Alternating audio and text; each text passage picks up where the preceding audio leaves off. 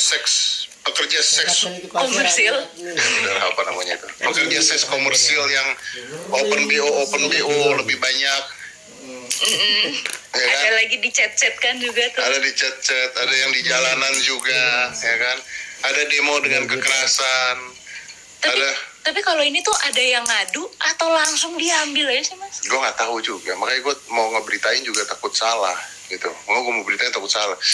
Ini gue lucu ada dua hal yang gue mau beritain takut salah Apa? eh cari deh coba bintang tamu buat prank 2 triliun Oh, kan wah. dari awal kita nggak pernah bahas Wah, itu prank terhebat setelah yang di Kalimantan waktu itu. gue nggak tahu apa Kalimantan Yang Audrey, yang mana yang bullying.